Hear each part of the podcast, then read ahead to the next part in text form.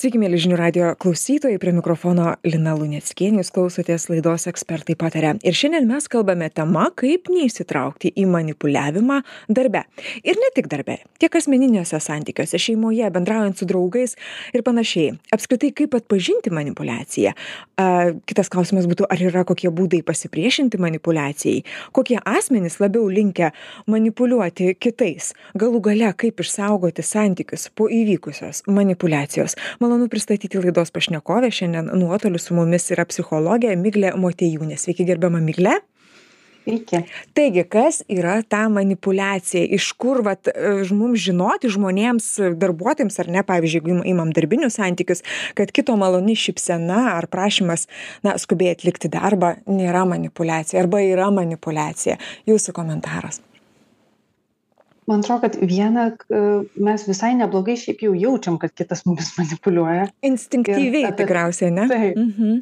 ir apie tai mums byloja mūsų jausmai ir mintys nes kartais mes jaučiam kažkokią kaltę arba sumišimą kažkas čia ne taip buvo. a, arba norą kažkokį pasiaiškinti arba nu va tas kažkoks minčių plūpsnis ateina kad nesuprantu kas čia įvyko. Bet kažkas negerai mes- ar ne? Taip taip taip. Bet mes linkę tas mintis ignoruoti arba tuos jausmus nes tikim kad pasaulis yra geras kad žmonės e, šiaip jau linki e, gero mums ir sakom na tikrai ne čia turbūt tiesiog aš kažko nesupratau gal čia kažkokia situacija buvo neaiški ir kažkaip kitaip. Tai viena mūsų pojūčiai ir mintys jau byloja apie tai kad kažkas čia nėra taip kaip atrodo iš pirmo žvilgsnio. Kita tai kalbant apie pačią manipuliaciją kas tai yra. Viena mes šiaip jau kaip bebūtų liūdna tą išgirsti bet visi esam linkę manipuliuoti vien- vienaip ar kitaip ir kad santykiuose mes e, linkę kažkuo keistis. Mes kartais keičiamės geru laiku kartu kartais keičiamės a, paslaugom. Man paslaugą padarei aš tau padarau. Ir mes ne visada tai garsiai įvardinam bet šiaip kiekvienas mūsų santykis yra apie kažkokius mainus tai manipuliacija yra tada kai kitas žmogus pakeičia šitą mūsų mainų vienetą mums net apie tai nesupratus pavyzdžiui mes visada keisdavomės išklausymu galbūt aš savo kolegos išklausydavau ir staiga jisai man sako žinai o gal tu galėtum man padėt su šitu darbu? Tiesiog jį peržiūrėt po savaitės jau manęs prašo galbūt ne tik peržiūrėt bet pakomentuot. Dar po savaitės jau aš matau kad aš tą darbą darau už kolegą ir viską darau dėl to kad esu geras draugas nes labai noriu padėti. Tai Ir pats- tiesiog pasikeičiam vien ir pats Aha. pats prisiimu tą darbą ar ne? Net net nesuvokdamas to ar ne? Ir labai dažnai žmonės tą sako kad aš net nepastebėjau kaip tas santykis pasikeitė nes ta- tai tarytum slidi uola kur pradedi po truputėlį čiuožti nuo tos uolos net nepastebi kaip įgauni pagreitį ir jau nebežinai kaip sustot ir kaip nebečiuožti arba kaip sustabdyti to kito žmogaus prašymus kurie atrodo visiškai jau paskui nebelogiški nebeteisėti o atrodo nieko nebegali padaryt migle na aš supratau kad e, manipuliavimas yra daugiau mažiau tokia kaip žmogiškoji prigimtis ir kaip sakėt beveik kiekvienas esame arba tapę manipuliacijos auka arba patys manipuliavome ar ne? Manipuliacija ir melas. Tai gal mes ir melagiai iš prigimties esam visi? Kaip kaip čia atskirti? Nes tikriausiai linija labai plona tarp šitų dviejų sąvokų ir būsenų Mhm. Aš manau, kad uh, manipuliavimas yra šiek tiek platesnė savoka. Aš galiu manipuliuojant naudoti melą. Melas tai kaip įrankis, bet aš galiu meluoti dėl visiškai kitų priežasčių. Um, tai kai mes kalbam apie manipulaciją, įprastai žmonės tai naudoja tada, kai nori pasiekti kokį nors tiklą, kuris žino, kad yra arba kažkaip nelegalus, žodžiu, niekas nesutiks su šitu mano poreikiu, uh, arba aš noriu priversti kitą daryti tai, ko jisai nenori daryti tad melas gali tapti įrankiu. Bet mes meluojam ir dėl kitų priežasčių. Mes kartais meluojam, nes norim kitą apsaugoti, kartais meluojam, nes norim save apsaugoti ir tai ne visada susijęs su manipuliavimu. Bet jei kalbant, ar tai žmogui būdinga, taip, vaikai irgi meluoja ir šiaip jau, kai vaikai tik pradeda meluoti, tai rodo jų raidą ir smegenų vystimasi, tai tėvam net reiktų tą akimirką ploti rankom ir sakyti, valio, mano vaiko raida veikia taip, kaip turėtų veikti. Tai melas e, ir manipuliavimas yra žmogiškos savybės, bet e, kai mes kalbam apie na, tokią žalingą manipulaciją, mes jau turim galvoje žmonės, kurie tendencingai naudoja manipulaciją santykiuose ir jinai žaloja visus, kurie yra aplinkui. Bet tiesa jeigu kalbant apie įmones čia atsiranda na va tos pinklės. Nes įmonėms kartais yra labai naudinga turėti darbuotojus kurie manipuliuoja kitais nes jie gauna kažkokį rezultatą. Mes sakom nu va šitas arba šita tai tikrai gaus to ko reikia mes pasieksim rezultatų kurie reikalingi viskas bus gerai atiduok jo jos rankas. O tai kad tai padidina darbuotojų kaitą nu tai čia kažkaip gavosi. Nes žmonės keičiasi dėl to kad aplinkoj yra nu tokia mes galim sakyt populiariuoju terminu toksiška kad joje tiesiog sudėtinga dirbt nes jauti kažkokias intrigas nesaugumą neapibrėžtumą kažkas neaišku. Migle vat užsiminėt apie žalingą manipuliaciją ar ne? Žalingą manipuliaciją kuri remia kaip sakėte toksišką aplinką darbe ir žmonės dėl to palieka tą darbą nes tikrai jaučiasi labai blogai. A kaip atpažinti tą visą visą žalingą manipuliaciją ar ne? Kaip kaip joj kaip joje būti ir kaip su ja kovoti galų gale kaip kaip nuo jos atsiriboti. Ir ga ir kitas momentas kas labai įdomu jeigu tai yra be darbdavio be be vadovo žinios yra manipuliuojama kaip vadovui šitoj situacijoj elgtis? Nes čia tikriausiai turime e, dvi puses ar ne? Tas kuris manipuliuoja ir tuo kuriuo manipuliuoja girdžiu klausimą ką su tuo daryt ir kaip į tai reaguot. Kita galvoju kad tam kad geriau suprasti kokia ta reakcija yra efektyviausia turint kolegą kuris manipuliuoja vadovą kuris manipuliuoja arba atvirkščiai ar ne arba aš esu vadovas ir manim manipuliuoja pavaldiniai. Prasminga suprast o kaip mes atsiduriam visame tame? Nepaisant to kad yra labai žmogiška tik aptariam kad visiem būdinga E, bet yra tam tikros sąlygos, dėl kurių aš papuolu į kažkokias pinkles arba aš esu linkęs manipuliuoti kitais. Nes vis tik sakoma, kad um, manipuliavimas tai yra tam tikra strategija, kurią aš pasirinku dėl to, kad na, man atrodo, kad pasaulis labai nesaugus, reikia nagais ir dantim kovoti ir kabintis, o jeigu negaunu, tai naudoti visas priemonės, kurios tinkamos, netinkamos, nesvarbu, svarbu, kad jos padėtų pasiekti tikslą ir greičiausiai aš tai darau nes turėjau kažkokias patirtis gyvenime kur tie mano poreikiai buvo labai nepatenkinti tai mes čia galim jau labai nukeliauti į vaikystę ir kalbėt apie reiklius tėvus emocinį fizinį smurtą seksualinį ir labai labai daug įvairių traumuojančių patyrimų tas lemia.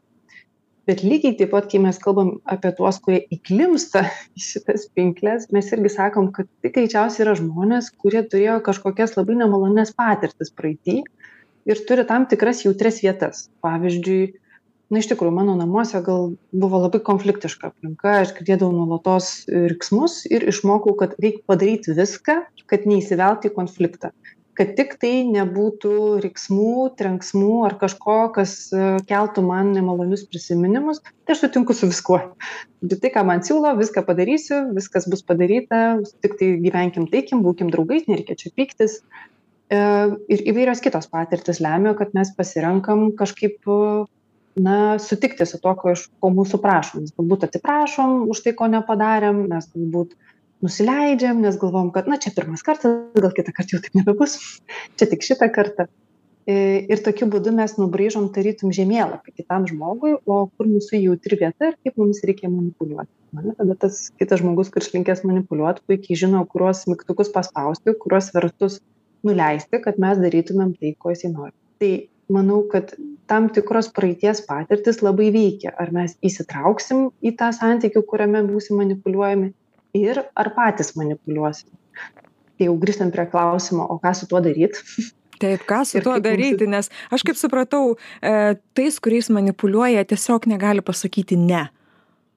Taip, dažniausiai tai yra apie ne, uh, bet tai nebūtinai ar ne tie tokie klausimai kur reikia tiesiog pasakyti ne kartais būna labai sukti Aha. viena tai um, viena suprasti kad tai nėra labai lengvas kelias nes jeigu tai būtų taip paprasta jeigu užtektų tiktai vieno žodžio ne tai dabar mes neturėtumėm laidos nebūtų šimto vieno straipsnio apie tai knygų na ir apskritai nes tai būtų labai paprasta pasakiau ir pasibaigė visos manipuliacijos išgaravo tiesiog taip taip, taip. Uh -huh.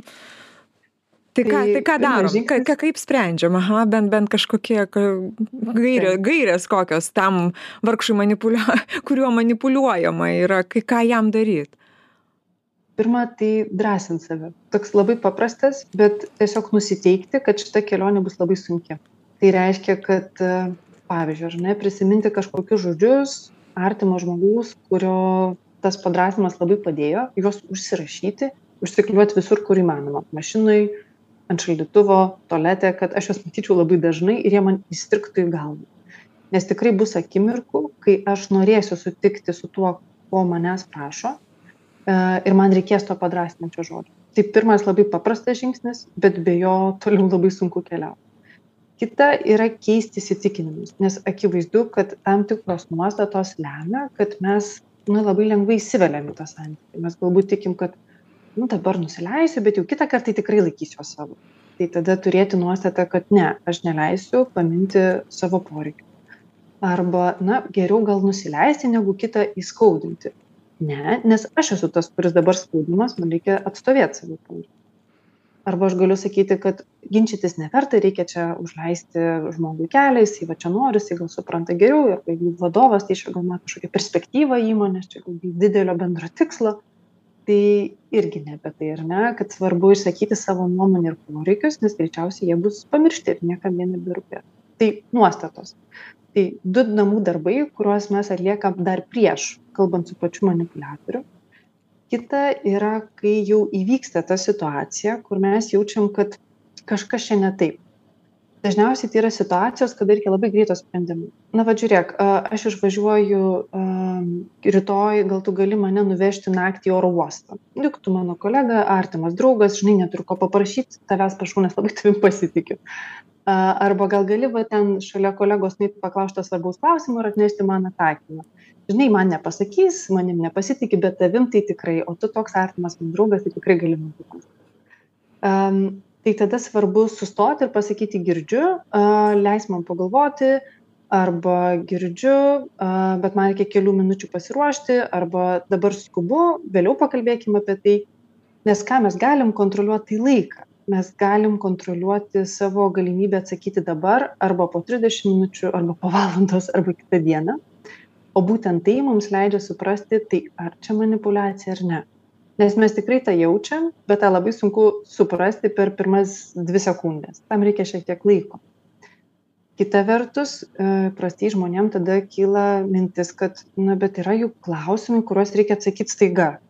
Kur ten kažkoks svarbus sprendimas kur reikia atsakyt šią minutę. Būtina duoti atsakymą taip arba ne. Tai toks receptas arba priešnuodis šitai minčiai kad šiaip jau sprendimai kurie reikalauja greito atsakymo yra tik du gyvybės ir mirties. Visi kiti gali būt atidėti. Taip tai gali būt kažkoks projektas kur neatsakius jisai gal kažkoks atidėtas bus arba nutrauktas bet tai reiškia kad kažkas miršta. Tai reiškia kad na kažkaip reikės ieškoti kito sprendimo. Ir tą svarbu turėti savo galvoj kad nei vienas šiaip jau sprendimas nereikalauja atsakymo čia ir dabar o kartais jeigu reikalauja tai tik rodo kad kažkas tą klausimą taip ilgai atidėliojo kad jau dabar reikia mano greito atsakymo. Tai gal irgi ne apie mano atsakomybę. Tai tai yra trečias žingsnis tai išsipešti laiko pasinaudoti galimybe jog aš galiu kontroliuot savo laiką ir atsakymo greitį. Ir būtent tas laikas man leidžia uh, suprasti ar manipuliuoja manim ar ne. Ir jau kai turiu akimirką pagalvot tada pabandyt pergalvot tą ką man sakė ir įvertint ar ar tas prašymas tikrai atsižvelgia į mano poreikius ar man reikės aukoti kažką ar tam žmogui rūpi ar man reikės kažką aukoti ar aš kažkokias savo vertybes pamenu įgyvendindamas tai ko manęs prašo. Ir tai jau kalba apie tai ar čia manipuliacija ar ne. Ir tada veikti. Tai tada svarbiausias žingsnis kuriame reikės visų tų padrąsinančių žodžių kuriuos prieš tai jau rašėt arba galvojot apie juos a nes ką reikia pasakyti manipuliatoriui tai ne aš pasirinkau nedaryti ne aš pasirenku atsisakyti to suprantu kad tau reikia bet aš negaliu. E, tas frazes prasminga sau užsirašyti nes jas išsakyti bus sunku. Ir jas išsakius labai didelė tikimybė kad prasidės didysis teroras. Manipuliatorius gali grasinti. Pavyzdžiui na su tokiom nuostatom tu turbūt nelabai tinki mūsų įmonei e, tau reikėtų persvarstyti ar tikrai tu gali būti mūsų dalimi. Arba na čia mes esame labiau šeima mes nesam tik kolegos tad tavo nuostatos nelabai tinka mūsų įmonei. Arba aš tikėjausi kad tu esi labai geras draugas na bet šito tai iš tavęs nesitikėjau. Ir tai gali tęstis labai ilgai tie pokalbiai būna užtrunka ir paskui net pamiršti ko tu norėjai ir ko nenorėjai ir jau sutinki su viskuo tad po sakinio kad nepasirinkau nedaryti iš esmės mes turim apsisukti ir pasitraukti fiziškai iš aplinkos. Nes tol kol mes esam toj aplinkoj tol mus įkalbinės tol ieškos naujų argumentų būdų kaip mum pagrasinti arba kažko siūlys mainais. Na jeigu šitą padarysi tai paaukštinimas garantuotas. Čia tikrai vat šitą padarytum tai be abejonės. Čia tiktai dėl mūsų bendro gerbūvio tad e, neužsikabinti už kabliukų kurie yra mėtomi ir tą lengviausia padaryt tiesiog fiziškai pasitraukiant iš tos aplinkos. Net jeigu tai reiškia kad aš turiu išeiti į tualetą jeigu nėra kažkokios aplinkos ir mes esam vienoj erdvėj dirbantys žmonės. O jeigu tai sako vadovas? Tai greičiausiai vadovas ir naudos tas svertus apie um, apie kultūrą apie atleidimus arba apie paaukštinimus. Uh, manau kad visais atvejais uh, prasminga turėt galvoj kad greičiausiai įmanoma rasti kitą erdvę dirbti. Kita vertus ar tikrai verta man dirbti aplinkoj kurioje aš jaučiuosi nesaugiai kurioje man nuolatos reikia sverti ar kitas yra nuoširdus ar ne ir kokia viso to kaina. Nes jeigu aš galiu ją mokėti tai viskas tvarkoj tada net nėra reikalo svarstyti apie manipuliavimą. Jeigu aš to nebegaliu toleruot ir man tai kainuoja bemieges naktis man tai kainuoja tai juk aš nebegaliu miegoti, nebegaliu valgyti, nes stresą jaučiu labai stiprų ir mano kūnas yra įtampoje, tai tada klausimas, ar tikrai apsimoka, tikrai verta.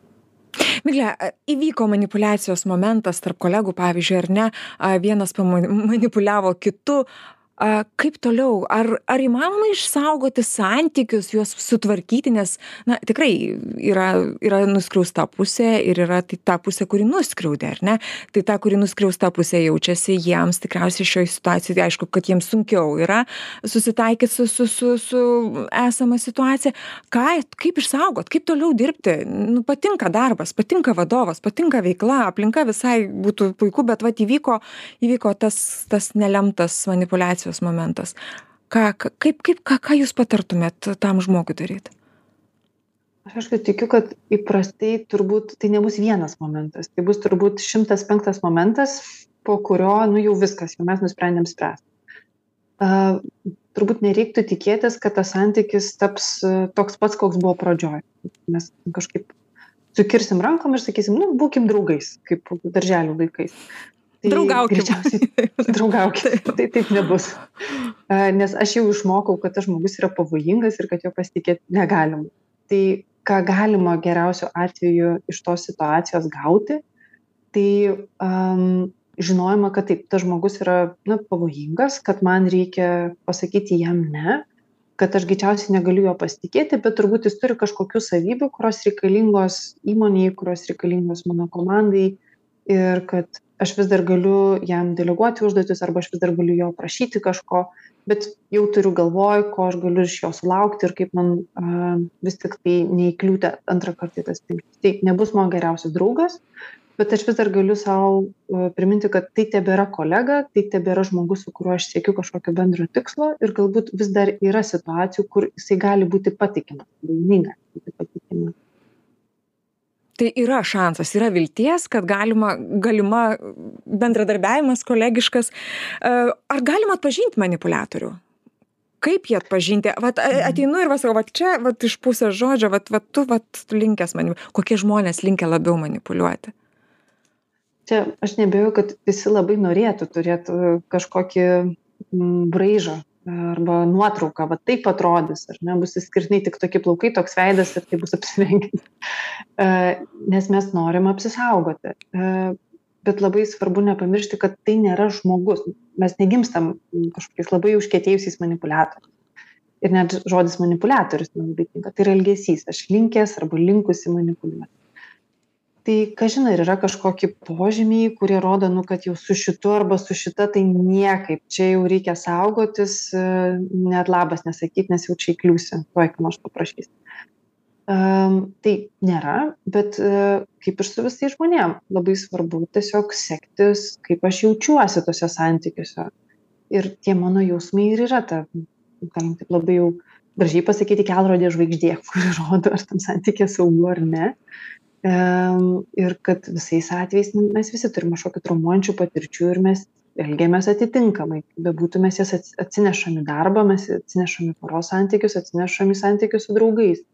Ir kartais tai yra tokios toki toki patyrimai kurie lemia kad aš elgiuosi su kitais bjauriau arba neetiškiau arba kažkaip kad padarau žalą Emilė, ką Jūs patartumėt vadovui, kuris, kuris mato manipulacijos atvejus savo komandoje? Ką jisai turėtų, kokiu jisai priemonių turėtų imtis? Ar ignoruoti turėtų, patys įsiaiškins, ar vis dėlto turėtų būti jo įsikišimas šioje vietoje?